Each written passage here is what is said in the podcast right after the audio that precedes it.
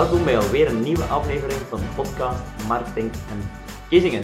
En deze keer zullen we het hebben over raadscommunicatie. Dat is een begrip uit Nederland die we geleerd hebben van David Kok, een expert op dit gebied. Hij heeft namelijk meerdere boeken geschreven en heeft nu recent ook weer opnieuw een boek hierover, Nudging in de gemeenteraad. Een zeer boeiend onderwerp vinden wij zelf, we begeleiden ook hier enkele politici in en vandaar voor ons ook opnieuw een zeer boeiende aflevering. Als jullie hier vragen over hebben, dan mogen jullie mij altijd contacteren via reinoud.exposure.be. Dat kan voor zowel consultancy, advies of hulp op uitvoerend niveau. Alvast heel veel inspiratie gewenst. Goedemorgen David. Goedemorgen. Alles goed? Ja, zeker. Heel fijn dat je even tijd wilt vrijmaken voor alweer een nieuwe aflevering van de podcast Marketing en Verkiezingen. En deze aflevering zullen we het hebben over beleidscommunicatie en overheidscommunicatie. Toch uh, iets waar jij heel veel expertise in hebt. Je hebt daar verschillende boeken ook over geschreven, dus uh, zeer vereerd dat u hier even tijd wilt voor vrijmaken. Maar laten we misschien starten. Ik heb nu al een korte introductie gedaan, maar laten we even starten met jezelf kort voor te stellen. Um, ja, nou, ik ben dus David Kok. Uh, ik uh, werk eigenlijk sinds 2002 na mijn afstuderen voor de lokale overheid. Dus eerst voor de gemeente Amsterdam. daarna zes jaar voor de gemeente Almere, waar ik specifiek voor de gemeenteraad werkte als raadscommunicatieadviseur.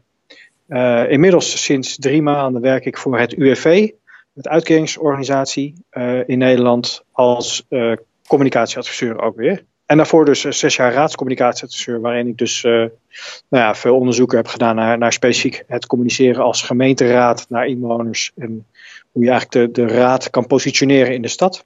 Mm -hmm. Oké, okay. en, en kan je even uitleggen wat een raadscommunicatieadviseur doet? Want er is niet echt een functie die we in Vlaanderen kennen. nee, we, de, in Nederland is, is, uh, zijn gemeenten eigenlijk opgedeeld in twee delen. Je hebt uh, de ambtelijke organisatie, dus alle ambtenaren. En die worden aangestuurd door een college van burgemeester en wethouders. Mm -hmm. En dan heb je eigenlijk een besluitvormend orgaan, de gemeenteraad. Um, die uiteindelijk het hoogste orgaan is en de besluiten neemt wat er uiteindelijk gebeurt in de stad. Ja, ja. Dat, dat, de gemeenteraad zijn de vertegenwoordigers van, van de inwoners, die worden ook gekozen. Uh, en, en dat orgaan, daar was ik raadscommunicatieadviseur voor. En eigenlijk was mijn taak vooral om te laten zien wat de raad voor de stad deed. Dus te laten zien van wat doen die vertegenwoordigers nou. Uh, in Almere wonen 200.000 mensen. Dus laten zien wat die, wat die 40, 41 mensen deden voor de stad. Okay. Dat was mijn taak. Mm -hmm. Oké. Okay. Um, zou jij enige verklaring hebben waarom dat het in Nederland een functie is en dat er iemand... Uh, ik, ik, ja, je deed de job fulltime, dacht ik. Ja, ja nou, dus... het, het, is een functie in Nederland, maar um, met die kanttekening dat ik een van de weinige fulltimers was, sowieso. Uh, er zijn wat meer die bijvoorbeeld maar 16 of 24 uur hebben, dus veel minder.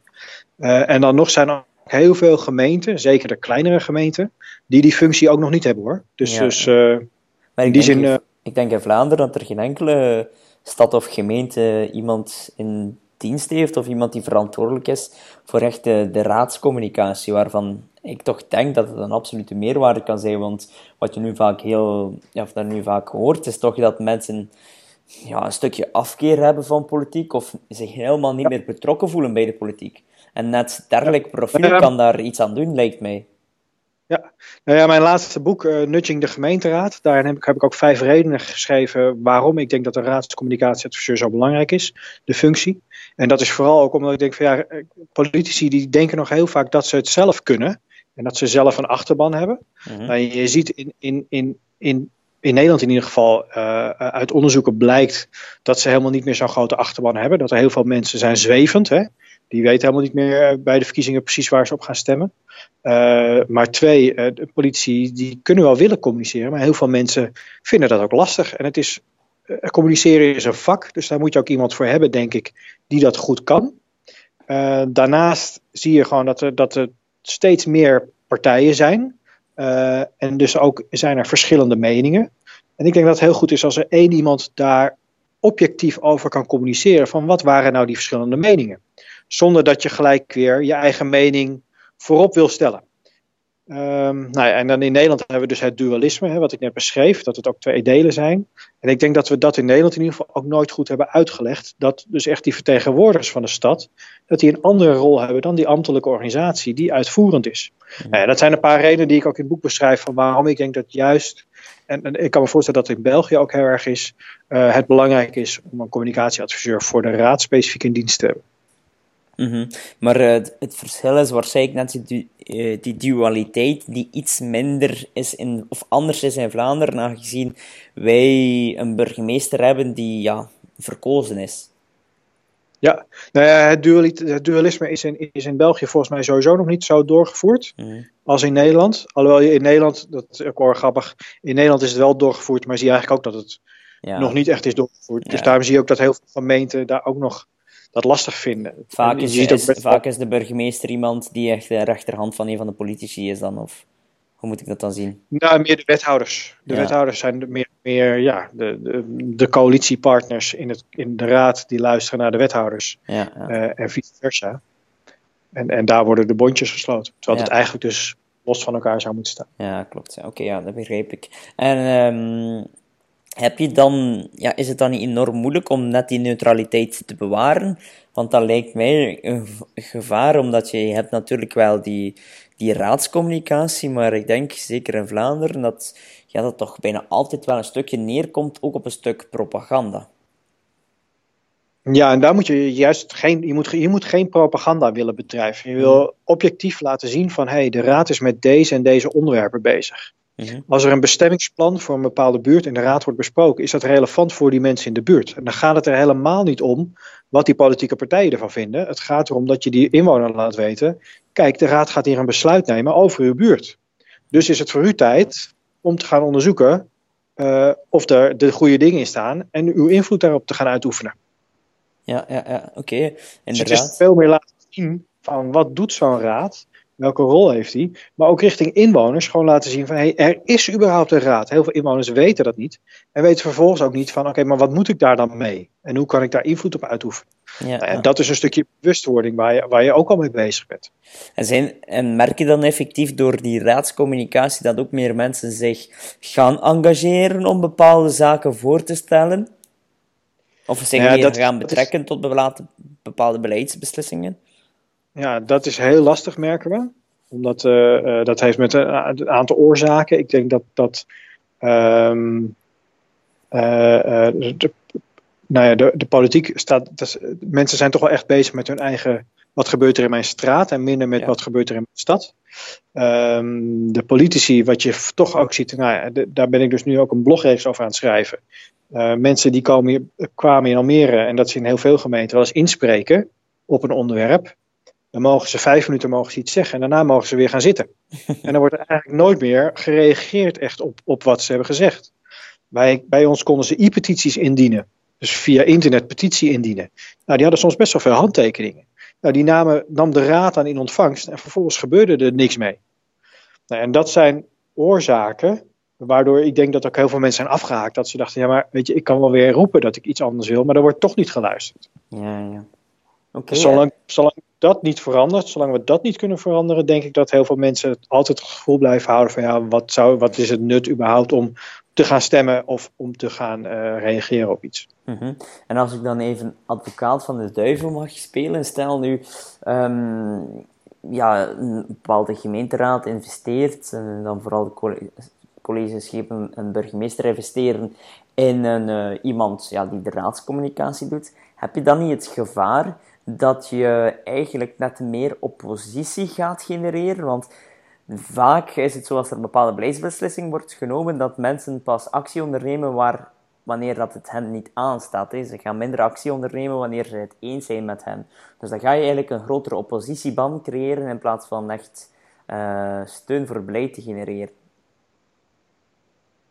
Ja, maar kijk, steun voor beleid genereer je door een wijk mee te nemen. Hè? Dus het participatietraject, mensen meenemen, begint al veel eerder dan dat de raad ook maar ergens uh, iets over gaat vinden. Oké, ja. Dus als de ambtelijke organisatie en het college, dus de wethouder, zijn werk goed doet en een gedragen stuk in het college of bij de raad neerlegt, dan heeft de raad kan nog steeds luisteren naar verschillende meningen Maar dan is het uiteindelijk aan de raad om, om de verschillende meningen en belangen af te wegen en een besluit te nemen met, meer, met een meerderheid. Ja, ja. Ook daarin kan een communicatieadviseur natuurlijk nooit sturend zijn. Die kan alleen maar laten zien van, hé hey jongens, wat leeft er in de stad? Welke signalen zijn er? En die naar de raad toe halen. Uh, en dat, dat, dat hoeft, dat, ja, in mijn opinie hoeft dat niet per se negatief te zijn. Maar verrijkt dat alleen maar de discussie. En kan het ook de coalitie misschien wel hele nieuwe inzichten geven. Van, oh, maar ja, die personen wonen daar hebben blijkbaar nog hun mening niet kunnen geven. Of die mening is niet voldoende gehoord. Of uh, die mening is niet verwerkt of ergens kwijtgeraakt. Wij vinden dit misschien ook wel belangrijk. En dan gaan ze daar iets mee doen. Ja, dus waarschijnlijk niet de eerste keer dat je die vraag krijgt. Uh, uh, nee, nee de, nou, toevallig deze vraag wel, maar uh, in andere vormen natuurlijk ah, wel. Oké, okay, dat is een zeer mooi, ik vond het een zeer mooi antwoord. inderdaad. Dat, dat heel veel raadsleden nog steeds ook van uitgaan van ik heb een achterban, ik weet wat er speelt. Uh, en, en die zitten, en dat, dat zie ik ook bij verkiezingen, heel veel partijen zitten in hun eigen bubbel. En komen er eigenlijk niet zo makkelijk uit. Waardoor ze denken dat ze dingen weten, maar als ze een keer dan vanuit een andere bubbel signalen krijgen, dan denken ze, oh, er leeft ook iets anders. Nou, en dat hoopte ik ook met, met, met de raadscommunicatie een beetje te bewerkstelligen. Dat, dat mensen eigenlijk uit hun eigen bubbel is gaan kijken van hé, hey, er, er leeft meer dan die, dan die groep mensen die ik om mij heen heb. Mm en, Snap je wat ik bedoel? Ja, absoluut, absoluut. En, volgens mij is het eigenlijk een zeer logisch verhaal waar er vandaag dan ook, ja, ook heel veel nood aan is. Ja, nou ja, maar je ziet het ook hè, op social media, op Twitter. Weet je, je, je volgt een paar duizend mensen, of misschien duizend mensen. Maar dat zijn heel vaak weer de mensen die in jouw bubbel zitten. Ja, klopt. Dus je hoort heel weinig tegengeluid. Of die mensen volgen je niet, of die mensen blokkeer je, of weet ik wat. Waardoor je eigenlijk continu uh, um, je eigen antwoord genereert. Mm -hmm. Ja, klopt, absoluut. Ik denk dat daar uh, ook met raadscommunicatie juist doorheen gebroken kan worden van hey, kijk, er zijn ook andere standpunten, er zijn ook andere meningen. En dan nog is het aan de raad om in een meerderheid te kijken van welke belangen zijn er belangrijker dan andere belangen en welke uh, risico's zijn en uiteindelijk zijn dat de mensen die gekozen zijn om het besluit te nemen. Mm -hmm. Ja, volledig mee eens. Je hebt ook, uh, je hebt ook een boek geschreven, nu, je hebt verschillende boeken geschreven, maar je meest recente boek um, heet uh, Nudging en de gemeenteraad, Nudging in de gemeenteraad. En uh, misschien even kort, zonder al te veel spoilers te willen delen, maar misschien kort even de belangrijkste samenvatting geven van je boek. Nou, kijk, waar ik na zes jaar uh, tegenaan liep in Almere. Eén, uh, um, ik wist toen al dat ik naar een andere baan wilde. Dus ik had zoiets, ik wil eigenlijk opschrijven wat ik hier zes jaar lang gedaan heb. Nou, dat was het eerste deel. Tegelijk concludeerde ik eigenlijk dat na zes jaar, er waren een aantal dingen goed gelukt. Maar er waren ook heel veel dingen niet zo goed gelukt. In, in het bereik van mensen vond ik nog steeds, vind ik nog steeds dat het beter kon. Nou, toen ben ik gaan nadenken van ja, hoe kunnen we nou mensen beter bereiken? Ik wilde het anders doen. En, en zes jaar geleden had ik het al, dacht ik al na over gamification-achtige dingen.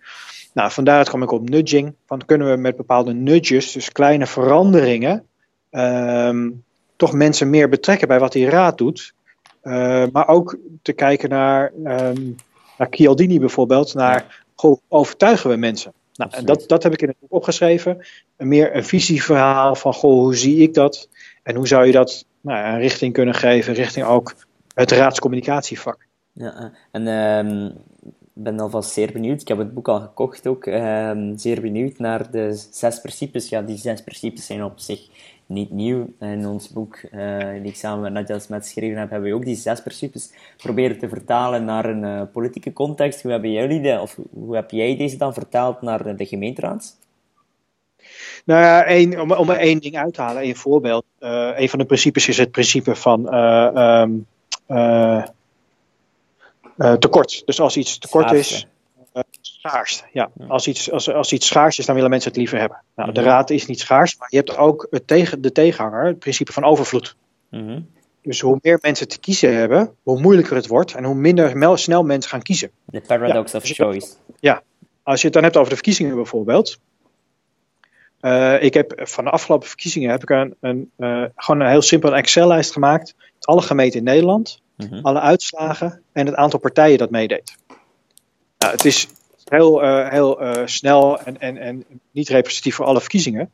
Maar als je daarin ziet dat hoe meer partijen er meededen, hoe lager de opkomst was. Wauw, ja. Nou, dat is een heel interessant principe. En dan kun je, kun je niks doen aan het aantal partijen dat meedoet in een democratie. Want, mm. want iedereen mag meedoen. Maar blijkbaar, hoe groter de keuzestress wordt, hoe minder snel mensen misschien wel geneigd zijn om te gaan stemmen. Ja, zeer mooi, zeer mooie case. Het, het, weet je, ik vind het de moeite waard, ik ben er zelf niet meer aan toegekomen, om, om dat verder te onderzoeken of dat ook echt daadwerkelijk klopt. Mm -hmm. want op basis van één verkiezing kun je dat natuurlijk nooit zeggen. En, en er zijn veel meer factoren die daarin een rol spelen. Uh, maar het is wel interessant om, om daarover na te denken, verder te denken. Er zijn bijvoorbeeld nog steeds heel veel gemeenten in Nederland, ik weet niet hoe dat in België zit, die geen stemhulp hebben bij de verkiezingen. Uh, dus een stemwijzer of een kieskompas of, of dat soort instrumenten. Op gemeentelijk niveau bedoel je dan? Gemeentelijk niveau, ja. ja. ja dan bedoel je zoiets als een uh, stemtest. Ja, een stemtest. Ja, maar ik denk, worden in Nederland stemtest, bij ons in Vlaanderen wordt de stemtest eigenlijk vooral gemaakt door, door journalisten. Oké, nou ja, wij hebben daar professionele bureaus voor. Dus uh, er zijn eigenlijk drie grote bureaus die, die, die, die de uh, tools hebben. Mm En de, ja, veel, veel gemeenten maken daar gebruik van, veel gemeenten ook niet. Maar dat kan dus, als je dat goed invult, een hulpinstrument zijn voor inwoners om te zeggen van nou, um, er is een tool waarmee ik, waarin ik wat diepgaander kan zien van oké, uh, wat willen partijen? En en als ik dan bepaal op een aantal stellingen of op een aantal vragen of een aantal onderwerpen van hé, hey, die vind ik belangrijk, um, nou dan komt er misschien wel uitrollen dat ik op die en die partij kan stemmen. Of die en die partij, of, of een top 10 van partijen waar je kan zeggen, nou dan is die partij past het beste bij mij. Waardoor je die keuzestress weer vermindert. Mm -hmm, absoluut. Dat lijkt me ook heel logisch. Ja, zeer boeiend. En misschien ook een stukje wederkerigheid, uitleggen wat je kan krijgen als je of wat, uh, wat voordelen zijn van, om te gaan stemmen. Misschien iets geven om te gaan stemmen of iets op voorhand. Ja, kunnen wel heel wat leuke, leuke principes zijn verwerken. Heel tof. Ja, nou ja, en daar zit dus ook dat, de, de, de combinatie met de nudging in. Want ik heb die dus, uh, uh, nou ja, een van de theorieën, een van de meest eenvoudige theorieën rondom nudging, uh, die in het boek beschreven wordt, um, is eigenlijk dat je aan drie voorwaarden, of dat je eigenlijk drie dingen moet bieden, wil je gedrag kunnen veranderen. Dat is, je moet mensen kunnen motiveren. Mhm. Dat is, uh, je moet mensen de ability, de kans geven om te veranderen. En je moet ze triggeren. Yes, dat is nou, een heel, uh, modelletje die ik ook heel vaak gebruik in mijn workshops rond neuromarketing. Wat eigenlijk voor mij synoniem is voor nudging. En dat is het model van BG Fogg. Ja, BG Fogg. Ja, ja, ik heb hem al gestreken, even kort. Ah, oké, mooi. Uh, hij voelt super interessant. ik, ik vind het ook een van de meest basale, maar meest interessante daarmee uh, modellen die er zijn ja, op het gebied. Ja, ja. En, en geldt voor alles. Hè. Geldt ook voor je website, geldt voor je sociale media. Um, En zeker ook voor overheid, klopt. Ja. Maar sorry, ik onderbrak je. Als, als, je dan bijvoorbeeld weer naar de, naar de ability, de kans krijgt dat mensen veranderen. Als je dan weer naar die keuzestress kijkt, bijvoorbeeld. Uh, wij hadden op de website van de gemeenteraad van Almere hadden we een stuk of acht opties staan waarop mensen uh, invloed konden uitoefenen. Dus ze konden een brief sturen, een e-petitie, een e-mail. En, nou, als je het dan hebt over keuzes, ja, ik zou dan denken, ja, wat moet ik doen? Mm Je kunt ook op je website zetten van, u kunt de Griffie, dus de ondersteuning van de raad, kunt u bellen en wij helpen u verder. Dat maakt het voor mensen veel makkelijker en triggert veel eerder om te zeggen, oké, ik ga bellen en dan word je verder geholpen en dan word je dus ook uh, uh, is het, wordt het makkelijker om je invloed uit te oefenen. Mm -hmm. Dat is het principe ja, dat zijn van hele kleine dingen ja, dat is het principe van de processing fluency. Hoe, hoe eenvoudiger het lijkt, of hoe eenvoudiger het te verwerken valt in de hersenen, hoe sneller we actie zullen ondernemen. Ja, ja. Dat zijn eigenlijk hele basale, logische dingen waar als je erover nadenkt. Ja, klopt, klopt volledig. zeer, zeer, zeer boeiend. En um, je bent nu veranderd van job? Ja, ja. En, ik ben nu gewoon intern communicatieadviseur bij het UWV. En zie je veel zaken terugkeren vanuit je vorige job, of is het iets helemaal anders? Nou, UWV is een iets andere organisatie. Uh, is nog steeds wel semi-overheid, uh, maar veel groter dan bijvoorbeeld Almere. Er werken hier 18.000 mensen. Wauw. Uh, nou is de club waar ik voor verantwoordelijk ben qua communicatie is, is veel kleiner hoor. Is van 1500 man. Maar dat is echt de interne communicatie. Dus je bent echt intern gericht. Dan gelden nog steeds dezelfde principes. Um, natuurlijk, communicatie is communicatie. Klopt. En je, klopt. Mensen, je wil soms gedrag veranderen of je wilt patronen veranderen. Ja. Maar we gaan nu bijvoorbeeld een hele awareness campagne opzetten. Nou ja, en daar hebben we over nagedacht. Van ja, als je mensen wilt triggeren om überhaupt te laten zien. Er is hier nou, bij veel over, organisaties überhaupt ook een e-mailcultuur. Dus mensen krijgen ontzettend veel e-mailtjes. Dus we hebben gezegd van ja, we moeten iets anders doen dan weer een e-mail sturen. Dus iedereen krijgt nu, wat ze bijna nooit krijgen, gewoon een postkaart thuisgestuurd als trigger. Mm Op de mat belandt een postkaart van jongens, we gaan hier aandacht aan besteden. Ja. Nou, ik ben heel benieuwd of dat, of dat dus meer impact heeft al gelijk, dan wanneer we weer een e-mail hadden gestuurd van jongens, we gaan hier aandacht aan besteden. Okay. Nou, en zo ben je ook hier uh, aan het nadenken over ja, wat, wat zijn nou die triggers om de kans te vergroten dat mensen toch iets gaan doen. En hoe kunnen we daar ook weer invloed op uitoefenen door mensen, hoe kunnen we mensen motiveren om dat te doen, nou, dat soort dingen. Dus daar is die, die, die formule van BJ Fogg, is daar, vind ik daar echt heel mooi in. En ook hier te gebruiken. Hmm, absoluut. En voor de mensen die hier interesse in hebben, de luisteraars, uh, kan je sowieso ook veel over terugvinden op onze website. Hebben we enkele blogberichten. En natuurlijk kan je ook altijd het uh, boek kopen van uh, David. Um, ik vermoed via heel veel kanalen te verkrijgen, pol.com, via je, misschien andere websites nog. Ja, ja voor managementboek.nl staat voilà. hij op. Ja, en wat is het? het ik eindig de podcast um, altijd met een een, een powertip, heet ik die dan. Wat zou jouw powertip of belangrijkste inzicht kunnen zijn die je wilt delen met de luisteraars na zes jaar adviseur in de raadscommunicatie? Ja, jemig. ik overval je misschien een beetje met de vraag. Um, of de nummer uno les dat je hebt geleerd.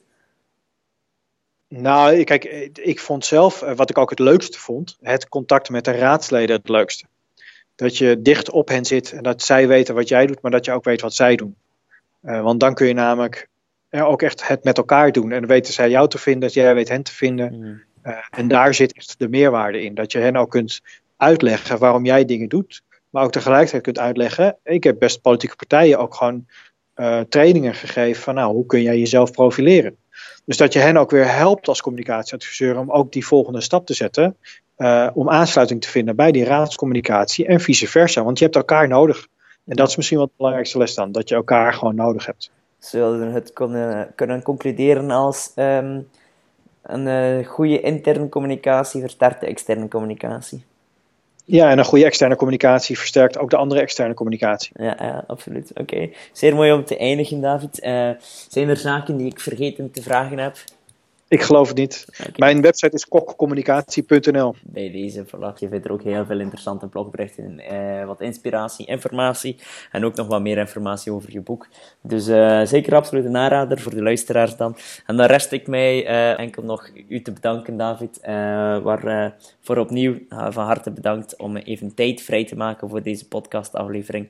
En um, als mensen vragen willen stellen, kunnen ze dat naar welk mailadres? Of via de website? Uh, via, ja, gewoon david.communicatie.nl. Oké, okay, perfect. Kok, David... Kok is KLK. uh, sowieso schrijf je nog een blogberichtje en kunnen we het daar ook even melden hoor. Oké, okay, helemaal perfect. goed. Dankjewel. Okay, David, tot volgende. Hoi. Hopelijk vinden jullie dit ook een zeer boeiende podcast. Hebben jullie nog vragen, dan mogen jullie mij altijd contacteren via reinoud.exposures.be. Neem zeker ook even een kijkje op www.exposure.be, want we hebben enkele modellen aangekaart, enkele namen van professoren genoemd, waarbij je eigenlijk ook heel veel informatie vindt op onze website. Dus als jullie daar meer informatie over willen, jullie een e-book gedownload of een gratis analyse, kan allemaal via www.exposure.be. Vast heel veel succes en tot de volgende. Ciao, ciao.